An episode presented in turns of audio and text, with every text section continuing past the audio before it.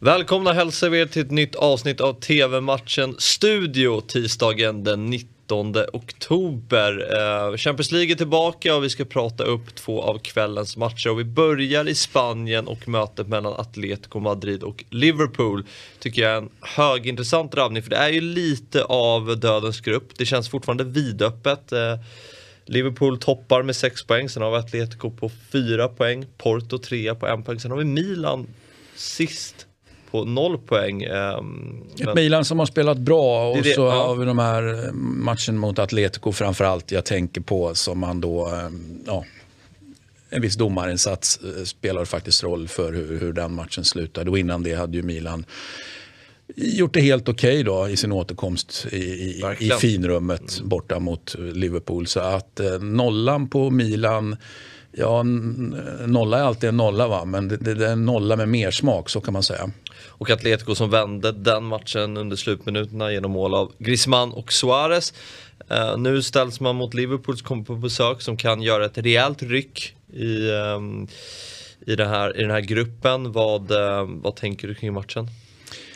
att det är bra att göra ett rejält tryck. Mm. Eh, för att eh, då, då, tänker jag att man kan slå av på takten lite grann i, i återstoden av så att säga, gruppspelet i Champions League och då kanske så att säga ha möjlighet att rotera liksom på ett annat sätt om man gör det där rycket. Så att jag tror att man, eh, jag tror att man eh, gör rycket och går för fullt och att man vinner man är ju härligt formtoppad då på ett sätt som jag inte uppfattar att Atletico Madrid är. Med det sagt är Atletico Madrid svårslagna. Inget snack om något annat men jag tror på Liverpool här. Hur ser du på Atletico Madrid då? Ja, men generellt med Simeones lagbygge. Han har varit där länge nu och det är många som menar på att ja, men det, det är samma visa varje år. Det är ganska lite mm. tråkfotboll. Man har ett bra spelarmaterial offensivt men det är är, kanske, är lite för primitivt kanske sett till den spelartruppen man har. Hur, hur, hur, ser du på det? Ja, jag tillhör ju de som egentligen inte har några problem med att spelet då är lite primitivt. Då kan man ju, det jag möjligtvis kan ha problem med det är ju att om han nu är en spelare som, eh, eller förlåt mig, en tränare som gillar att spela den primitiva fotbollen som jag inte tycker är primitiv men som kallas primitiv och, och, och defensiv och, och, allt det där så, så kanske han har fått en trupp då som är liksom lite mer offensivt viktad och då kan man tycka så här, ah, men om du är klubbledning och sportchef här, varför om du har en tränare som så att säga, beter sig på det sättet, vill spela på det sättet. Du ger honom, liksom, du, du teasar honom lite grann med, med att ge honom ett material. Kanske för att testa honom. Okej, okay, här får du ett lite mer offensivt material få se vad du gör med det. det. Vi ska inte utesluta att det finns en sån aspekt här också från klubbledningen och sportchef Berta. Mm. Men det är en, eh, tycker jag i alla fall, en väldigt härlig grupp. För Ibland tycker jag att gruppspelen i Champions League tenderar att bli ganska ointressanta. Men det, det är lite av en transportsträcka till slutspel. Man vet vilka som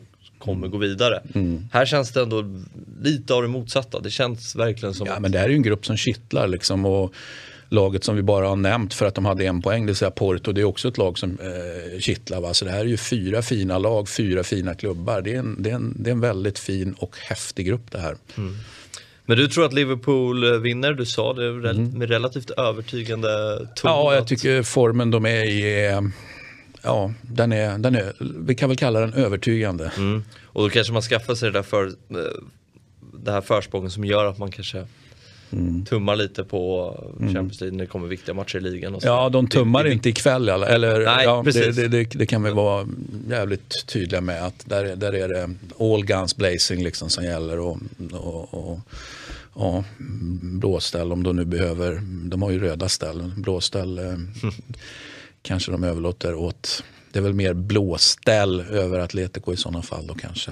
Mm, Christian tror på en eh, stabil bortaseger i, i Madrid.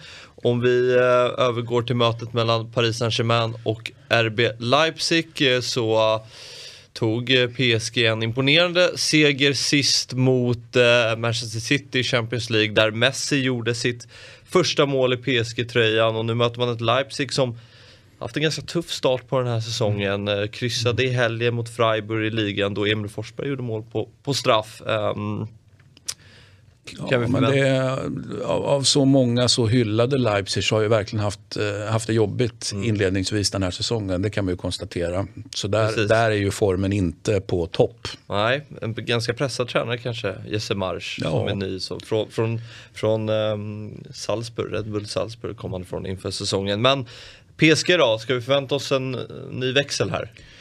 Eh, Jag, behöver inte, jag vet inte om de behöver liksom lägga in en ny växel för att besegra Leipzig. De kommer att vinna matchen. Du tror det, ja? Det är, jag, det är jag övertygad om. Får vi se om de... PSG är ju, är ju lite sådär som, ja, men som Real Madrid också kan vara. Man vet, man vet aldrig riktigt hur mycket de går för. Om de verkligen, okej nu kör vi stenhårt eller om de tar det li, lite lugnare och, och liksom eh, på något sätt vinner i alla fall då, de flesta av matcherna. Så att, eh, eh, som sagt var, jag tror att de vinner oavsett växel.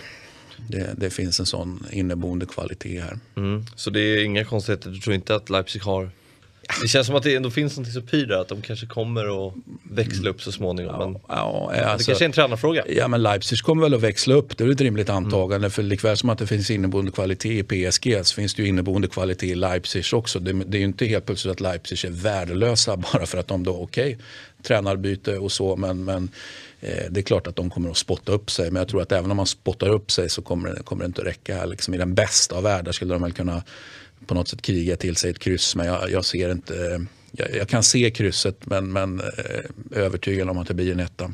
Ja, fortsatt tungt för RB Leipzig tror Christian och eh, ja, spännande matcher som sagt. Eh, bägge startar 21.00 och ni ser dem på Simor.